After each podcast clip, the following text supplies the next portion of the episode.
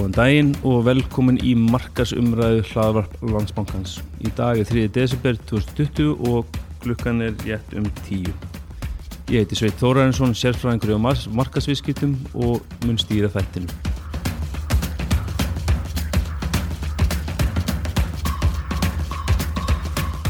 Landsbankin er fjármálafyrirtæki sem lítur eftirliti fjármála eftirlitsins. Fulla hagsmunarskráningu og fyrirvara má finna á umræðan.landsbankin.is skástrík umræðan, skástrík hlaðvarp.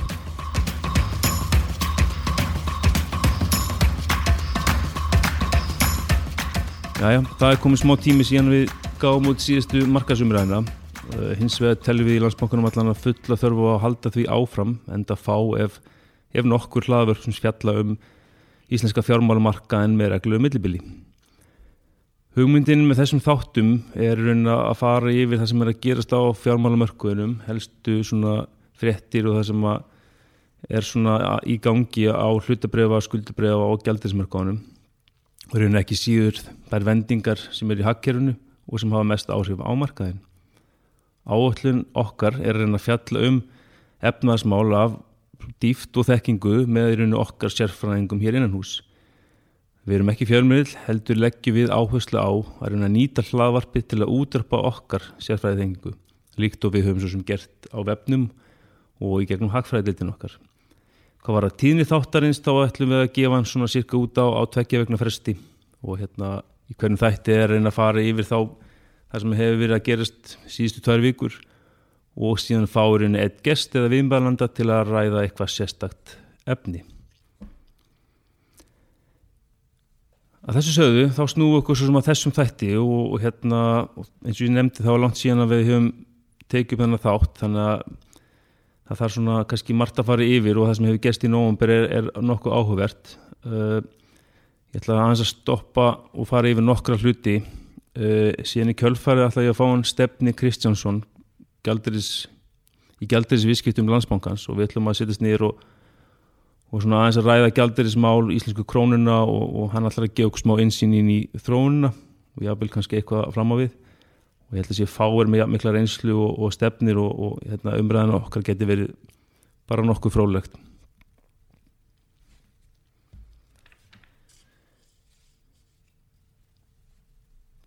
Ég ætla að byrja því að fara aðeins yfir svo sem það sem hefur gerst á, á mörkunum í nógumber af því nógumber er svo merkilegu mánuður það sem hann byrjaði á jákvæðum fréttum af bólefninu eh, það var held í kringum 9. nógumber á mánudegi sem að raunni fyrsta stórfréttin kom frá Pfizer um, um, um yfir 90% virkni af bólefninu síðan hefur Moderna og AstraZeneca og fleiri komið í kjölfarið með mjög jákvæða fréttir og þrátt fyrir að hluti fyrir að marka er hafi svo sem verið að þróast upp á við í oktober þá var nógumber ansi, ansi góða mánuður og með vísitalan sjálf hækkaði reyndar ekki nefnum með 3% en það er fyrst og fremst vegna þess að Maril var að lækka og hún vegur stort í vísitiluna en önnur fjölu voru, voru að hækka tölvört í nógumber og ef að menn hefði kæft eina krónu í hvert fjöla þá var águstin í nógumber um, um rúmlega 13% Uh, þetta var svo sem að gerast annar staða líka. Norranna vísitalan hækkaði um OMX um 9,7% í nógumber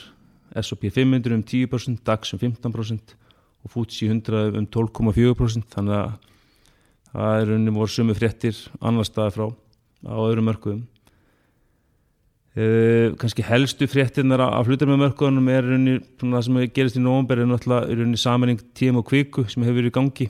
Var unni formulega tilkynnt í, í lóku oktober og síðan nýlega tilkynnt um að, að samlingar hefur nást raunir með því að, að einhundur tímurinn eignast 54,4% hluti í kviku. Uh, þessi samling er mjög áhugaverð. Raunir þessum tíum verður dóttil, dóttifíla kviku, líkil kemur þá inn til kviku líka. Að verður tölur við vinni í þessi samlingu og við munum bara fylgja því eftir og verður flókt að sjá hvernig þeim gengur að, að hnóða þessi félug saman Uh, annað reyndar gerist í gæri að Símin var að selja félag Sensa bara að selja sitt dóttifélag Sensa til Crayon Group í, í, í Norri mjög áhugaverð sala, var selgt á 3 miljardar söluverið var greitt í, í 10 miljardum í reyðufíð og, og Símin fær síðan í rauninni miljard í hlutabref í Crayon sem er skráð á norska markaðunum Annað á hlutabræðmarkaðanum svo sem helst er að, að í, það eru yfirtöku tilbúð í, í Skelljungi og Eimskip og niðurstöður eru vant í, í desember af við minnir og við munum fara yfir þessa niðurstöður vantala bara í næstu, næstu hlaðverfum. Annað á mörkunum, krónan hefur verið í styrkingarfasa, var það í allan november, uh, um 3,3% styrking og með þess að síðustu tvo daga hefur hún haldið áfram að styrkist verulega. Við náttúrulega förum aðeins yfir þetta með stefni og eftir og verður flót að heyra þegar honum varandi þessu þróun. Uh, á skuldibræðmarkaðanum, er rauninni kannski sagðan þar í november var rauninni að, að hérna vaksta kurvan er ennþá meira hallandi. Það er rauninni að óverið trið skuldibræð hækkuð um 0,2% en svo verður trið að lækka um 1,1% uh, og hérna við kannski förum aðeins yfir kannski meira með skuldibræðmarkaðan því að tala um vaksta ákvörðin selbanks og eftir. En það er einmitt það sem ég vildi nefna tala um þrent kannski sem hefur gerst í nógumber uh, sem að verður að, að tala um núna. Það er annars vegar uh, vakstalækkuninn sem var ansi óvænt. Uh, í öðru lagi var það runni verðbólkutölur sem kom í lóknógumber sem voru líka óvæntar og síðan runni hafvokstatölur sem komið fyrir þriðafjörnung. Uh, fyrir það fyrsta vil ég nefna kannski og byrja að tala um er verðbólkutölunar Eh, það var mjög runni áhugaverð tala sem kom fyrir nógumber það sem að runni verðbólgan var að hækka um 0,04% runni milli mánu þannig að hún er nánast óbreytt. Uh, og verðbólgan mælist á núna áskrundildi 3,5% þetta var reyndar kom mjög óvart og var runni mun lægri hækkun en, en markaðir gerir áfyrir greiðingadeldi voru að spára 0,2 til 0,4% hækkun og það sem kannski kom mest óvart þar var lækkun á, á mat og drikk sem hefði verið í hækkunarferðli rauninni allt árið með veikingu krónar og síðan kom fött og skór svolítið stertinn með lækkun. Þar var reyndar vantarlega single stay var held ég að með minnir í mælingunni. Og það sem er kannski skemmtilegast í þessu þegar maður rínir í, í, í tölurnar var að fött og skór voru eins og sagði að lækka. Og mun, lækka mun meira við genur áfyrir, það er hægfræðlildin þar að segja það sem kemur kannski mest á hvort þar er að, að fött og skór er skipt milli kallmannsfött og skór og kvennafött og skór og batnafött og skór. Og það var talsverð lækkun í kvennaskóm og kvennafötum. Eh, barnafött og barnaskór tókur endar lækkun líka. En síðan var það kallmannsfötin og kallmannsskór sem að hækkuði milli mánuða og þarna kannski var bersýnilega áhrif Singles Day að koma inn í, í tölunar mjög líklega og ég veit að það voru nokkri hérna, ósáttir við þessa þróun. Hafvöxtar tölur komið einnig í nógumber sem verður að tala um. Landsframslandur á saman um 10,4% á þriði ásfjörungi sem er einu mjög áþekk lækun og var á, á öðrum ásfjörungi og er einu þema millir þessar fjörunga það sama útflutningur er að dragast verulega saman um næstu 40% og það er náttúrulega vegur þingst lækun á þjónustuðflutningi sem er raunin ferðarþjónustun okkar sem er að læka um næstu já, 2-3 uh, og það er náttúrulega að það að kenna ferðarmenn dragar saman um heil 84% millir ára. Uh, enganislega er enda líka að draga saman, draga saman dróð saman um 2% á þriðja fjórðingi uh, er enda minni samdráttur en á þriðja Eh, Nei á öðrum fjóningi þar að segja. Og kemur kannski ekki óvart það sem var unni þessi opnum sem var hérna í, í ágúst. Uh, kemur unni stertinn og það er til dæmis eru bílakaup á þriði fjóningi sem koma stertinn. Uh, þannig er unni á fyrstu nýju mánum ásins er, er samdrátturinn um 8% uh, hagfræðleitin okkar gerir á fyrir 8,5% samdrætti yfir árið í heild og, og líklegt að árið mun bæntilega enda í þessum gildum mitt 8 og 9% uh, Ísland áreindar Evrópu meti í lækkun núna og hérna breytar reyndar koma nokkuð eftir okkur með 9,6% lækkun samtrátt á þriði ástfjörnungi og meðan meðaltali í Evrópu er í kringum 4,4% og þessar ástæðir eru auðvitað augljósar að hérna, ferðarþjónustan vegur gríðlega í útflutningi okkar og hérna lækkar þegar alveg hafa vöxtinn allir verulega Þannig að því sögðu er náttúrulega líklegt ef að, að ferðarþjónustan kemur í ganga að, að hækkunin og hafvíkstir jafnvel á næsta ári verður, verður meira en annar staðar. og svo þriðja sem ég ætlaði að nefna varandi það sem gerist í nógumber var náttúrulega þessi óvænta vakstarleikun Sælabankans þannig 18. nógumber sem vexti voru leikar um, um 25 punta nýri 0,75% uh, og voru fáir ofinberlega sem að gera ráð fyrir þessum þessari leikun en hins vegar að mat Sælabankin það að efnaðarshorður hafi vestnað frá síðustu ákvörðun.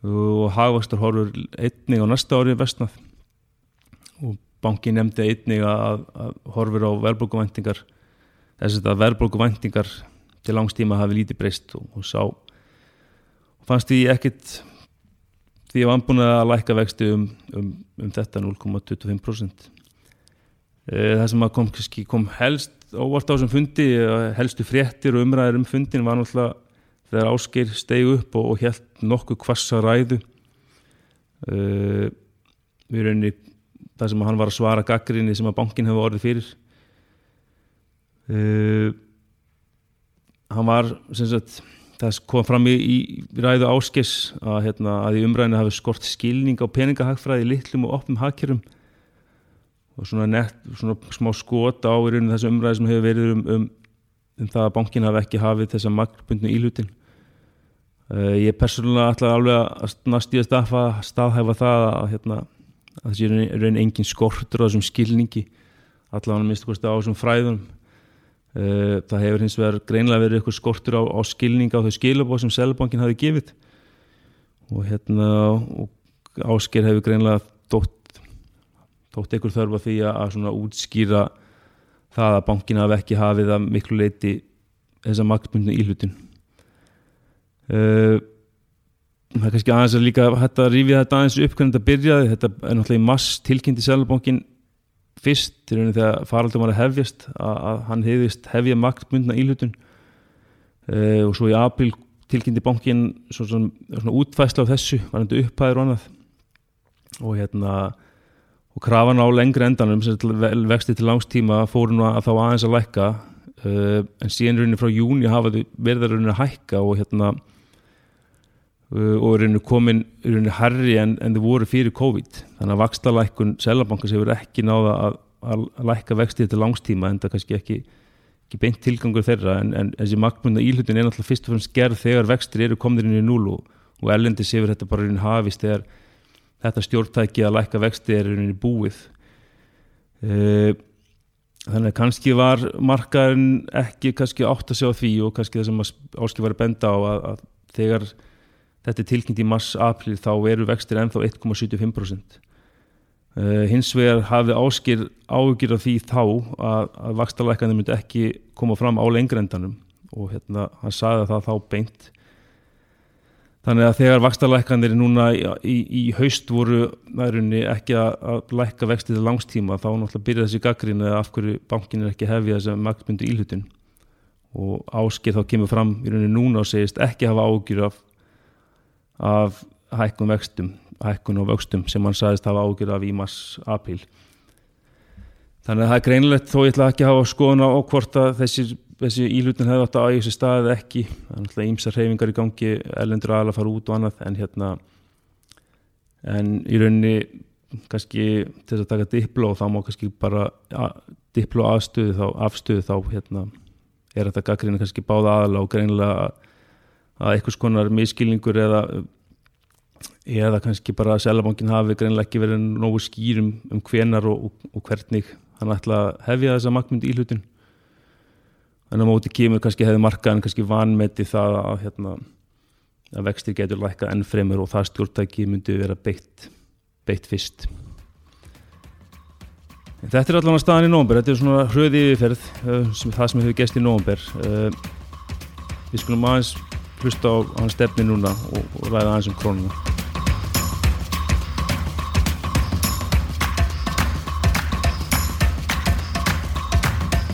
Jæja, þá er hann stefnur sestur hérna hjá mér og við ætlum að fara svona aðeins yfir íslensku krónuna og taka bara eitthvað svona frólegt spjallum hana. Blessaðar stefnir. Sæl, sæl Hérna það er náttúrulega krónan er svolítið stórt umræðafni við getum nú hérna verið nokkla daga að tala um þetta en kannski bara núna síðustu daga eða bara í nóvumber kannski bara að vera svolítið körrent. Hvað krónan er náttúrulega búin að vera á talsverði styrkingu núna síðustu daga og er henni í, alveg í nóvember. Já, þetta er búið að vera alltaf skemmtileg tímabil sko. að og ef við horfum aðeins tilbaka á árinu það var margt búið að gera. Við fengum einhvers konar COVID-veikingu í, í, í mars og síðan kemur svona auka veikingar kipur í hana eftir Vestlumnahelgi og, og því tímabili líkur svo núna um mánamótin oktober-nóber og, og það sem er að gerast þessu tímabili er að, að við erum með stóran erlendar aðala sem er að fara út. Og þetta er náttúrulega koma þarna mikið að fréttum í kringum þetta. Seðlabongin utan markaða að, að mjalla þessum aðala út. Já. og eftir þennan, þessi mánamót þá hefur bara haugðunum og markanum breyst. Og það sem er að gerast kannski er að þessi trigger sem var að taka kannski efru krónu upp í þetta bil 160-165 hann er bara horfin einmitt. Og það sem við vorum að horfa á í þessu er að það er bara eðlert að við kíkjum þá bara niður á næsta trading level. Bara kíkjum bara niður í 155-160 eða jafnvel niður. Og þetta er kannski það sem Seðlabankanstjórin er líka að tala fyrir. Hann var nú bara til brattur hann um daginn talaði bara er að fara að styrkjast. Já, já, og gerði það hann bara tvisa og þetta, hann er svona kannski mögulega bara að vinna með sömu pælingar og við að hérna, þetta gamla treytingrins er bara farið bara búin að kveðja það í bíli og núna erum við bara kannski komin nýr í júni mæ, júni, júli í gildin. Einmitt. Þannig að eins kalthandislega það hljómar þá er vallast að kalla þetta styrkingu Nei, nei, nokkulega en, en, en þú talar um þessi rauninni frá ágúst Já, jú, miðjum ágúst. Þá var náttúrulega þá var hagkerfið, þá var náttúrulega ekki kannski þessi bylgi önnur komin. Þá náttúrulega var svona komin eitthvað svona væntingar að það ekki um að ég er svona að reyna að rifja upp það tímabil sko? Já, við náttúrulega tókum hérna svona mini-lockdown eftir Vestlumannhelgi það var Já, náttúrulega kom já. hérna, Einmitt. var ekki hérna Vestmanneja smitið Jú, jú, og- rétt, já. Einmitt, það er nei, en nei sko mér finnst sko COVID rosalega kom, lítið komið inn í þetta nema bara að við fáum bara hliðrun. Mhm. og við fáum bara að svona einhver punktstöð þar sem bara allt er bara í bara brasi hjá okkur. Ferðamærin horfin, jú það voru eitthvað væntingar um að kæmi eitthvað í sumar. En ég held í ágúst þá var þetta bara farið. Það, við, við vor, vorum bara að fara í þessar landamæralokanir og annað. Já, já, að þetta, þetta bara fór og það var svo sem ekki viðbótar óan, það var ekki viðbóta leiðindi sem var hægt að henda á okkur þarna upp úr því. Nei, nei. en þetta var mik miklu meira þetta skuldabræðutflæði þannig að við vorum bara daglega með veikingu og Sælabanki daglega móka inn í þetta svo tilkynnar hann þess að reglulegu sölu og þá fengum við svaka styrkingu við þá tilkynningu sem leitaði svo tilbaka aftur. En bara leið á þessi veikingar þristingu fór þá bara breyttist leikurinn. Já, og það mátti það mátti eiginlega öllu vera ljóst að, veist, að, Já, já. að leikurinn væri að breytast að einhverju leit einmitt, einmitt. Að, að, þetta, þetta skiptir svo miklu máli. Og það sem við erum kannski stödd þá í núna er það að það var kannski fullt af fólki sem, sem hafði það bara gott að safna gjaldiri -hmm. og hafa gengið sagnað því. Það er kannski að vakna upp við vondan draug og það sem gerist líka sem er daldið áhugavert í þessu er að dollarin er að svíkja þetta fólk líka Já, á móti, hann Já. er einmitt, nákvæmlega. Að því þetta er svo algengt og þetta er svona old school. Bara, og við sáum þetta bara hausti 2018 þegar vá áhugirna voru að koma. Já, þá sáum við bara dag eftir dag eftir dag bara old school pening yfirgefa krónuna og fara í dólar já, einmitt. Og, og hérna og, og það sem gerist líka skemmtilegu dólarin er það að þegar hann er að styrkjast að þá eru svona jaðarmyndir að veikjast Já, þannig að áhrifin verða alltaf tvöföld í dólar krónu Já, akkurat. heldur en við erum að sjá í efru krónu Já, akkurat. Og eins mikið og þeir hafðu það þetta var geggja fyrir þá á þessu tíma kannski fá dólarin upp úr 115 bara upp í 140 Já, þá erum við bara að sjá núna 140 og jafnvel bara nýri 125 já þetta er bara einmitt komin nýr í 125 Já. gildi sem er og, og þetta er ekkit stór hreyfing. Efra dólar kannski upp úr 1,17 upp í 1,21 Mhm.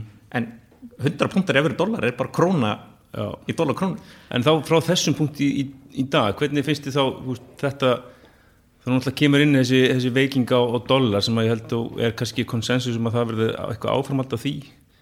Já, það er svona er svona dólar hefur náttúrulega hann hefur náttúrulega mörg andlit. Já, hann, og, og sagan á bakvið hreyfingar hún breytist. Þegar ég byrjaði í bankanum 2000 þá vorum við nýbúin að fara í gegnum gjaldinins tímabili þar sem hagvaksta munur réð, réði öllu. Já, Já, tímabili sem ég fór, sildi í gegnum til 2008 var vakstamunur já, og hann var nýbyrjað. Einmitt. Tímabili sem tók við eftir 2008 var svona risk on, risk off umhverfi risk on, dólar veikist risk, og nei, nei, risk on, dólar styrkist og risk off, dólar veikist og hérna og þannig að það er búið að þurrk út allan vakstamun og, og, og, og við erum bara einhverju kjúi í tímabili sem allt er Akkurat. svo reglulega skýtur við kollinu menn hafa áhyggjur af, af svona tvöföldum halla í bandarækjunum fjárlaga halla og viðskipta halla og því öllu saman. Akkurat. Þannig að þú veist kannski aldrei nákvæmlega hvaða andlit dollarans er verið að sína og svo, svo bætist við þetta núna við höfum svo fórsetakostningar og það tengist oft fórsetakostningum svona ákveðið rotation. Já, og þannig að núna bara erum við menn greinlega bara tilbúinir í smá dollara vikingu. Já, og, og þetta er ekki einu svona stór hreyfing. Nei, einmitt. Þetta, þetta, er, þetta er bara en hvað, hvað gildi voru, hvað var dólarinn svona post, eða þess að pre-covid? Voru við, hvað var, veist, efran var reynsinu þannig 130, 185 eða ekki og, við, við gerðum heiðalega tilraunir kannski við 108, 110 eitthvað hlis já, efru, já, annars erum við bara búin að vera eiginlega stanslust núna í 2-3 ára á bara 1-10, 1-20 eitthvað gróft sko. þannig að og 1-20 og 1-2 er ekki svona öfgagildi. Nei, nei, ég er sjálfsög ekki. Nei. þetta, þetta, þetta á svona fyrir ef þú er að horfa á svona seðlabanka leveli þá, þá, þetta, þetta ítir ekki við neyn nei, nei, nákvæmlega. Við, þannig, að, við varum að tala um 1.0 1 1.05 og, og 1.40 sem ykkur aukagildi þannig að við erum bara að sigla liklan sjó hérna, en, þetta, en þetta ástæðan fyrir ég er að nefna þetta er og, og bara hverju mótni þá bara byrja ég á dollarum. Já, einmitt, dollarin, hann, hann setur tónin fyrir allt. Og, og þetta er að skipta svo miklu máli því að ef þú horfir á gjaldiris innistæður innlendar aðila, gjaldiri þá er cirka helmingunum því í dollar.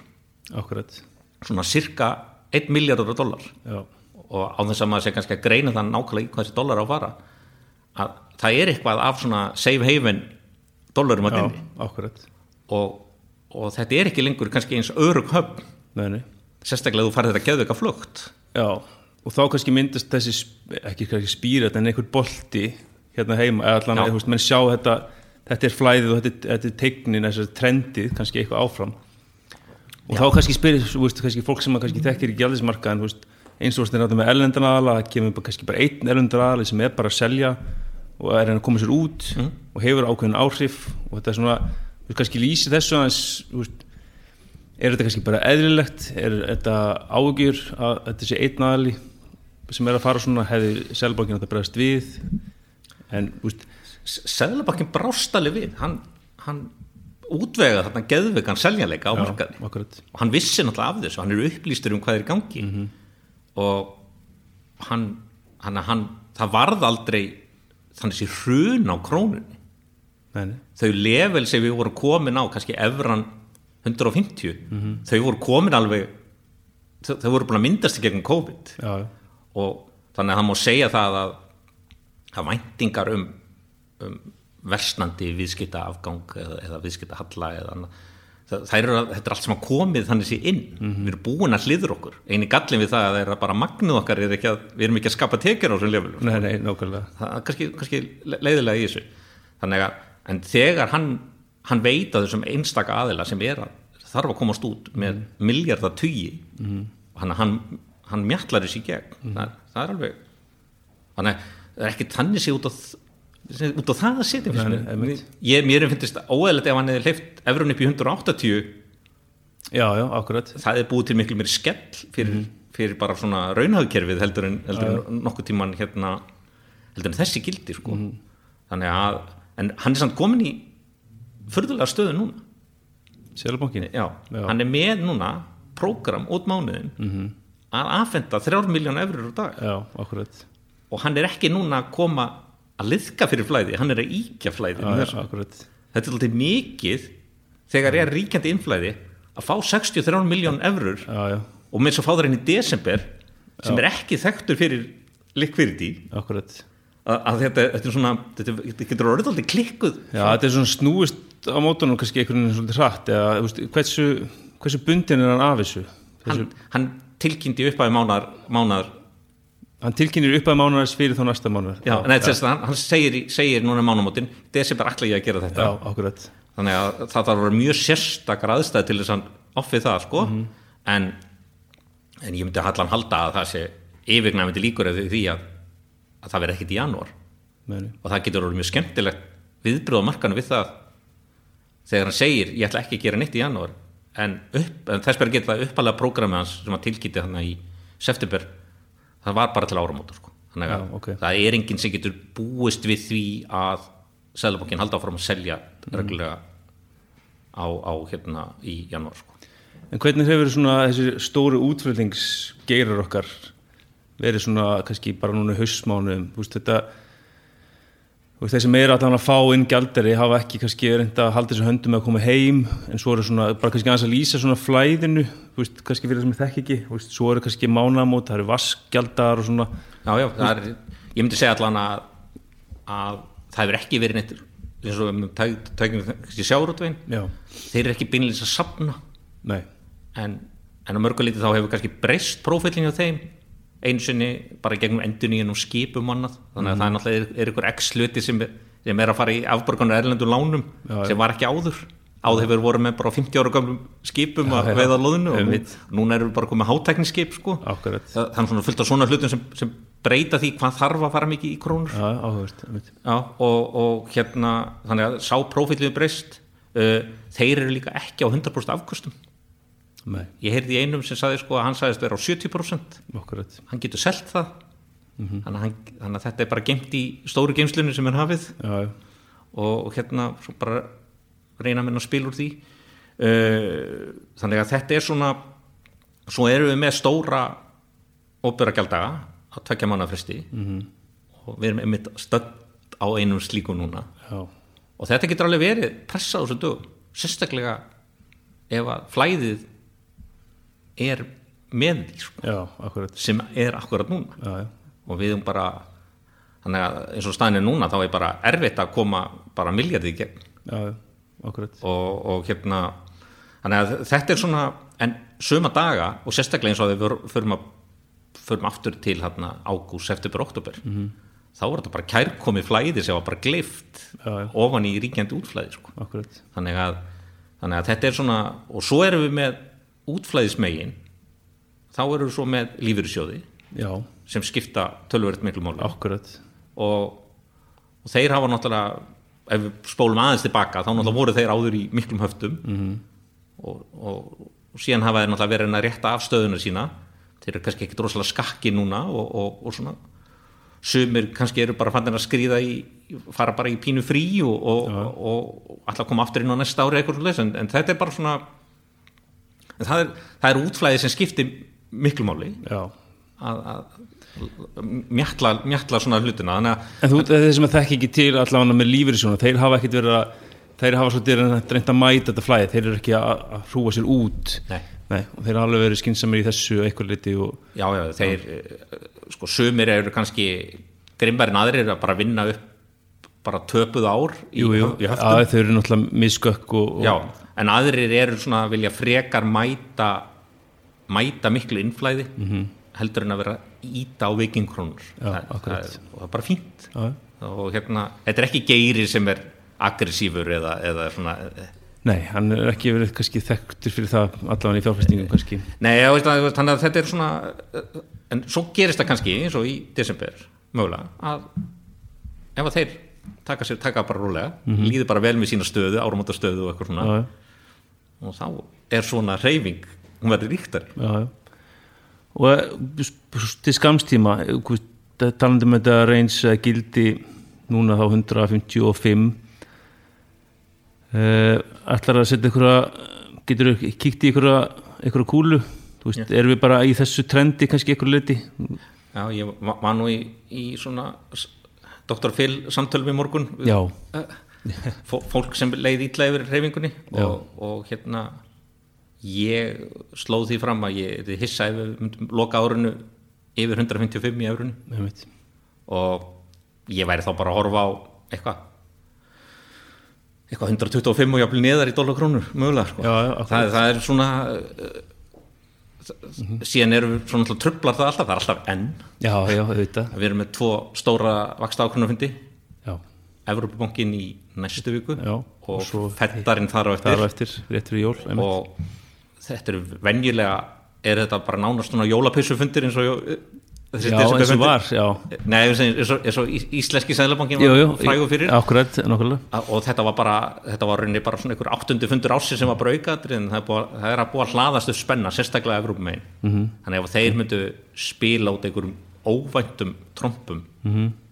í QE megin Já. þá getur þeir veikt efruna það er alveg, alveg og, Já. og, og ítt, ítt undir dólar það er alveg, alveg já, akkurat en, en eins og staðinu núna þá bara er maður að horfa að efru dólar leita kannski upp í 1.23 og efru krónu einhver starf bara vonandi stoppar hún í efru 150 bara Já, svona, já. þannig að það en það er kannski gildi sem er að brjóta kannski svona eitthvað, þetta- eitthvað. á einhverju tímabúti þá þá ertu með innflæði sem fer bara í fílu já, akkurat og, og þarf, ekki að, þarf ekki að ge- gera neitt Meni. og það, þá náttúrulega hægir á því já, já, þannig að þetta er svona en, en það sem mælir á móti því er sko krónan er bara að heimsækja núna júnigildin. Við, þetta er ekki eins og Já, við þetta er ekki eins og- einmitt, þetta er ekki eins nákvæmlega. og við sem að fara í pre-covid gildið það, það, er ekki já, sem er hann í kringum 100, efran 130 já, já, það akkurat. er ekkit ykt við þessi gildi. Nei, nei, nákvæmlega. Og það er svo astnælt en maður að segja fólk jú, krónan er að styrkjast en hún er samt ekki að styrkjast. Nei, nei, nákvæmlega.